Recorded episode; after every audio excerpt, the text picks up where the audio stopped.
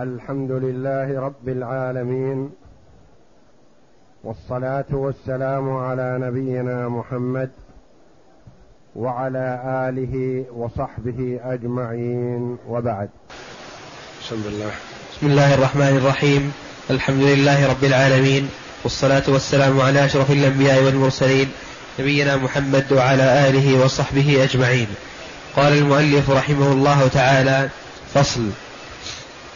وإن غصب لوحا فرقع به سفينة وخاف الغرق بنزعه لم ينزع لأنه يمكنه رده بغير إتلاف مال بأن تخرج إلى الشط فلم فلم يجز إتلافه وسواء كان فيها ماله أو مال غيره.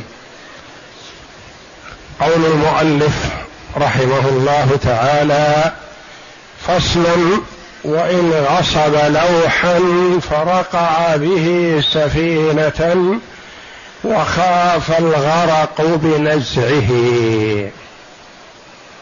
هذا فيما إذا ترتب على رد المغصوب في الحال ضرر فيمهل لأنه لا يخلو.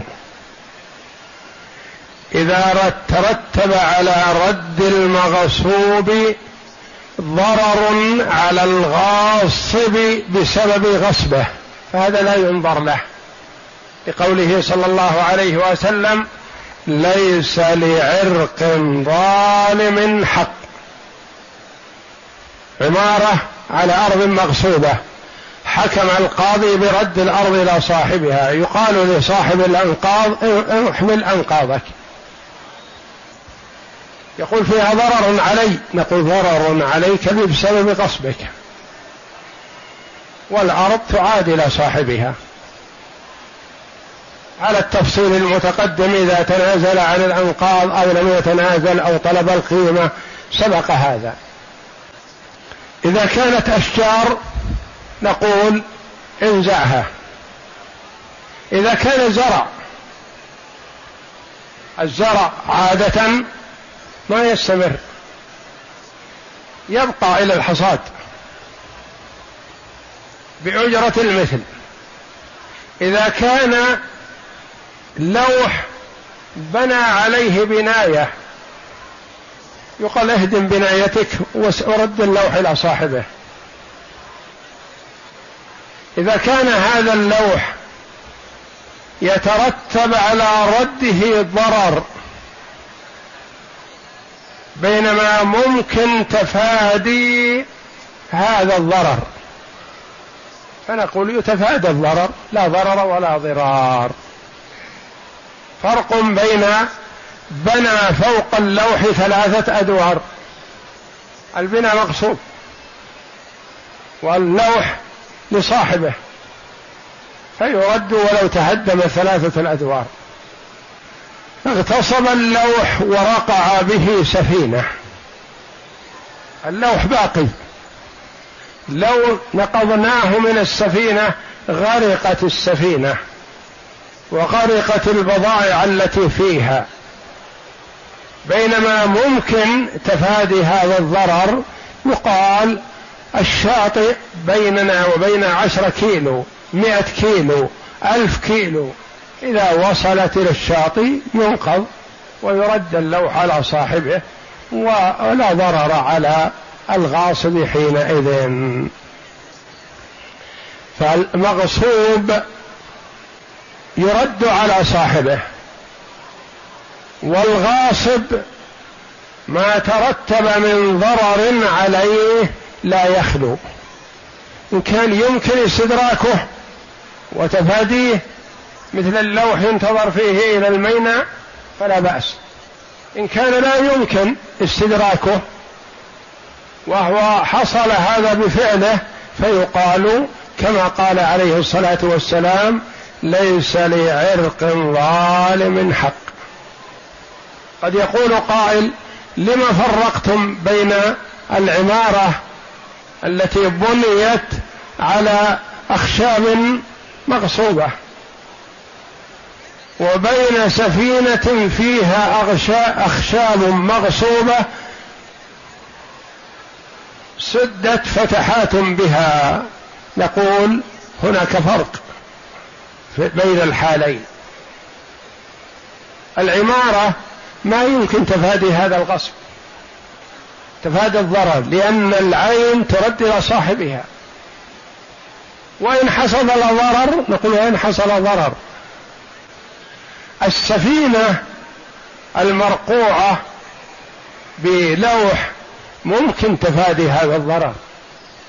ينتظر يوم أو يومين أو خمسة أو عشرة ويرد اللوح على صاحبه ولا ضرر ويكون فترة الانتظار هذا بأجرة المثل. فنعرف الفرق بين الحالين في الرد والانتظار. قال وإن غصب لوحا فرقع به سفينة وخاف الغرق بنزعه. خاف الراكب أو خاف ربان السفينة الغرق بنزعه لم ينزع بل يبطأ لأن في هذا ضرر إذا نزع في الحال. لأنه يمكن رده بغير إتلاف المال. يقال انتظر يوما أو يومين حتى تصل إلى الميناء وينزع وترقى بلوح آخر. نعم.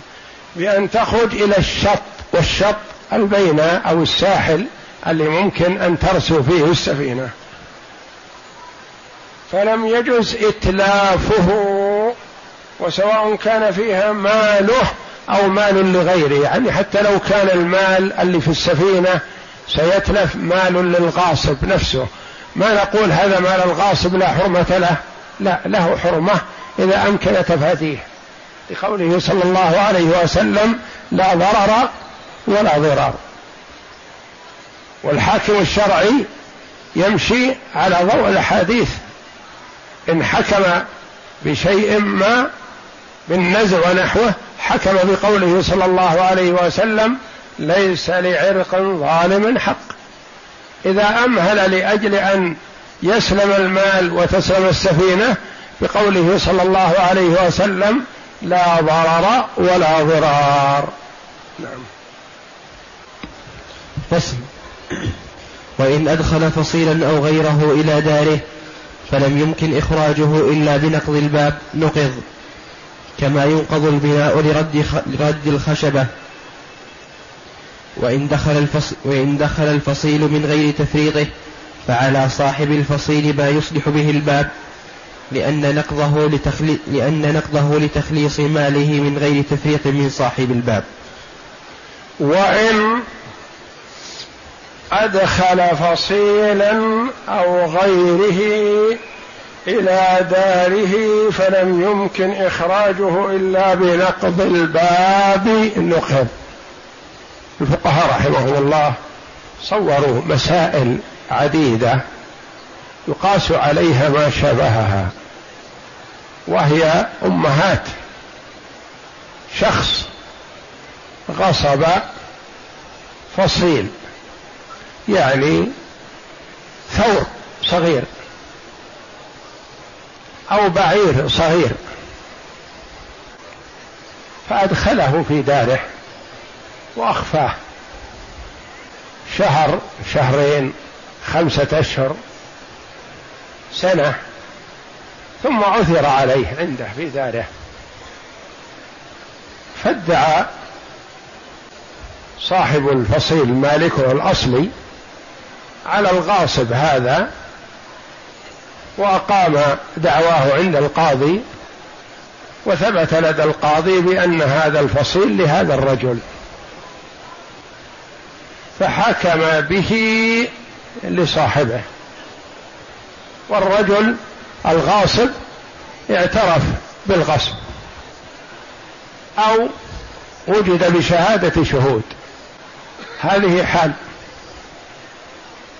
الحالة الثانية فصيل هرب من صاحبه ودخل دار إنسان. الإنسان هذا عنده حيوانات مواشي صار هذا الفصيل معها. يأكل ويشرب معها. فبحث عنه صاحبه فوجده عند فلان. فلان لم يغصبه. ولم يؤوه عن علم.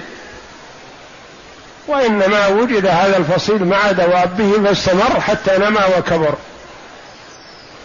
لما أرادوا إخراج هذا الفصيل من الدار ما خرج مع الباب كبر. الأول المغصوب ما خرج مع الباب. الثاني غير المغصوب ما خرج مع الباب. كبر الفصيل. وشب وصار الباب لا يتسع له.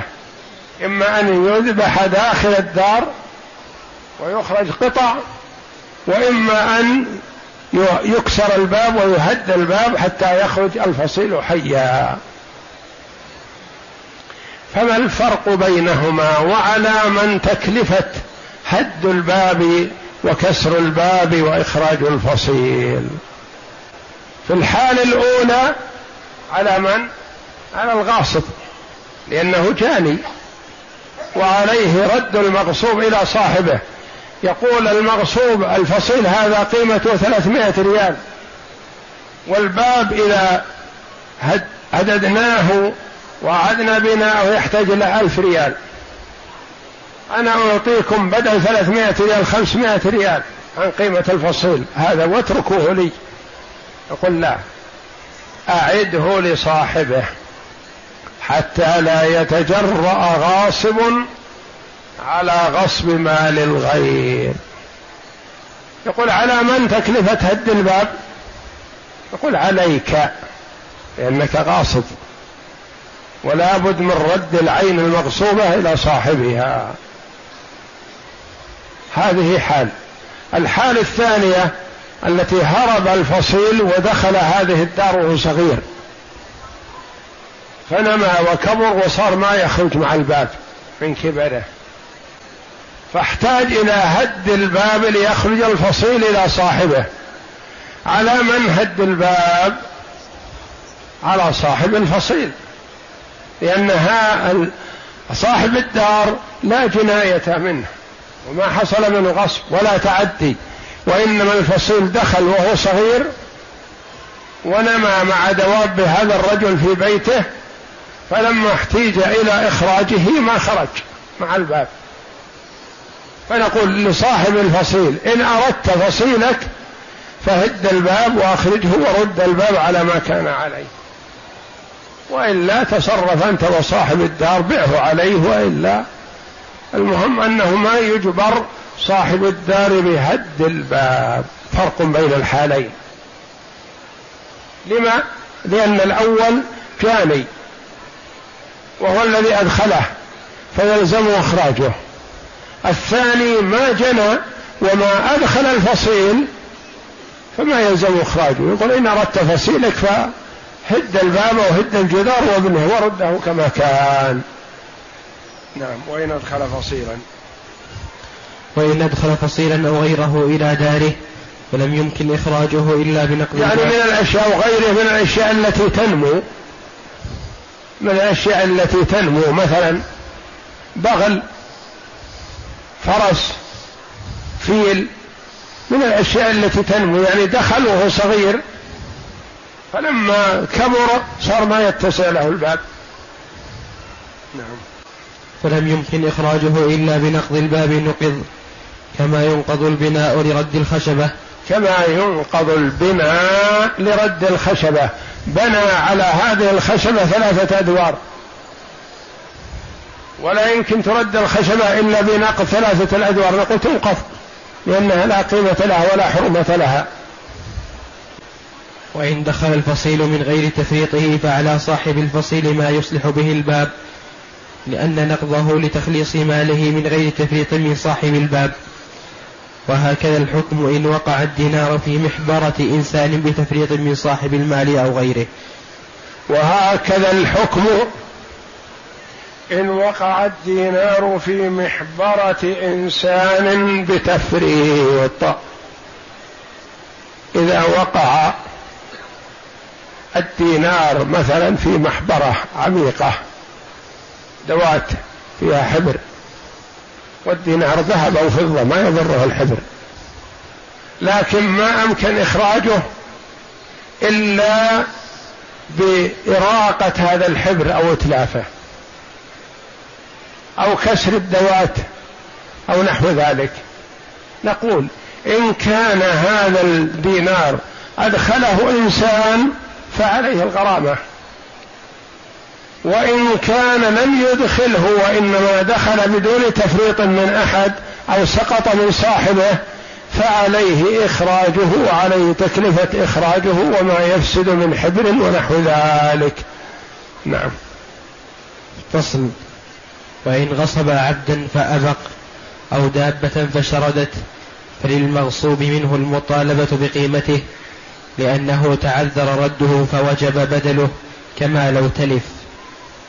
وإن غصب عبدا فأبق. الإباق الهروب. يقال عبد آبق يعني هارب هرب من أسياده. أو دابة فشردت يعني ذهبت. ما يقول أنا اغتصبت عبدك وعبدك هرب. أنا اغتصبت ناقتك وناقتك شردت. نقول عليك أيها الغاصب القيمة لأنه يلزمك رد العين وتعذر رد العين بإباق العبد وشرود الدابة فيتلزمك القيمة. فللمغصوب منه المطالبة بقيمته لأنه ماله. والغاصب اغتصب هذا الشيء فيرده فإذا لم يستطع رده بنفسه رد قيمته نعم. فإن أخذ البدل ملكه. فوجب بدله كما لو تلف مثل ما لو اغتصب عبدا فمات فيلزمه قيمته. اغتصب دابة فتلفت يلزمه قيمتها. نعم. كم؟ فإن أخذ البدل ملكه. لأنه بدل ماله.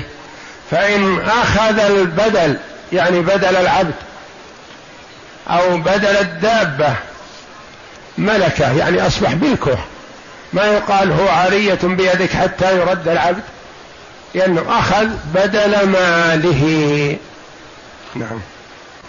فإن أخذ البدل ملكه كما يملك بدل التالف. إذا كان عينا له تلفت فأخذ بدلها فيملك البدل لأنه يكون في ملكه. نعم. لأنه يملك الغاصب الغاصب المغصوب. ولا يملك الغاصب المغصوب. المال الغاصب ما يملك المغصوب الذي هرب أو شرد أو أبق ما يملكه لأنه ما اشتراه. ولا ولا هذا بيع. لأنه ما يجوز بيع الشارد وبيع الآبق حتى يرجع فهو ما اشترى شيء. نعم. لأنه لا يصح تمليكه بالبيع فلا يملكه بالتضمين كالتالف. فلا يملكه بالتضمين كالتالف. فإن. فإن, قد فإن قدر عليه رده وأخذ القيمة لأنها استحقت بالحيلولة وقد زالت فوجب ردها وزيادة القيمة المتصلة للغاصب لأنها تتبع الأصل والمنفصلة للمغصوب منه لأنها لا تتبع الأصل في الفسخ بالعيب وهذا فسخ. انتبه. فإذا أخذ البدل من هو المغصوب منه أخذ البدل ملكه لأنه بدل ماله. كما يملك بدل التالف كما لو تلف المغصوب بيد الغاصب فإنه يلزم الغاصب برد بدل هذا التالف إلى المغصوب منه. ولا يملك الغاصب المغصوب. لو رجع الآبق ورد وردت الدابة الشاردة فإنها لا تكون ملكا للغاصب لأنها ما بيعت عليه وإنما عليه ردها إلى صاحبها وأخذ البدل الذي بذله وأخذ القيمة لأنها استحقت هذه القيمة بالحيلولة وقد زالت. ما هي الحيلولة؟ يعني بعد الآبق والشارد. استحقت القيمة. فلما عاد الآبق وعادت الشاردة نقول هذه ملك للمغصوب ترد وخذ البدل. فوجب ردها. وزيادة القيمة المتصلة للغاصب. زيادة القيمة. يعني رد بدل هذا الشارد دابة. الدابة سمنت. ويلزم ردها الآن لأن الدابة الشاردة راجعت. فزيادة القيمة هذه البدل لمن؟ للغاصب لأنه ماله. ماله وإنما أعطيت للمغصوب منهم بدل التا بدل الشارد وقد رجع. لأنها تتبع الأصل. والمنفصلة للمغصوب منه. المنفصلة إذا ولدت الدابة التي دفعت عوض عن الشارد أو التالف أو الهارب فالولد يكون للمغصوب منه لأنها في ضمانه ووجد هذا زيادة منفصلة في ضمانه فتكون للغاصب للمغصوب منه ولا يردها للغاصب. فمثلا له للمالك ناقة غصبها غاصب فبقيت عنده أيام ثم شردت هربت. فهيأ الله حاكما قويا ألزم الغاصب برد الناقة المغصوبة. قال ما أستطيع هربت نقول له رد بدلها. فرد بدلها. رد ناقة أخرى بدلها. بعد سنة أو سنة ونصف رجعت الشاردة. فجاء ليسلمها للمغصوب منه. هذه الناقة التي دفعت قبل سنة أو سنة ونصف فيها محتمل نوعان من الزيادة.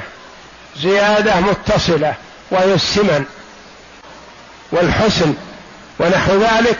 هذه ترجع معها لأنها ما تنفصل. هذه الزيادة فصيل ولدت عندها فهي للمالك لأنها وجدت نتيجة لمال استحقه بدل ماله الأول فلا ترد مع القيمة. عند رد الناقة الشاردة الأولى. فأما المغصوب فيرد بزيادته المتصلة والمنفصلة. أما المغصوب يعني الناقة الشاردة الهاربة.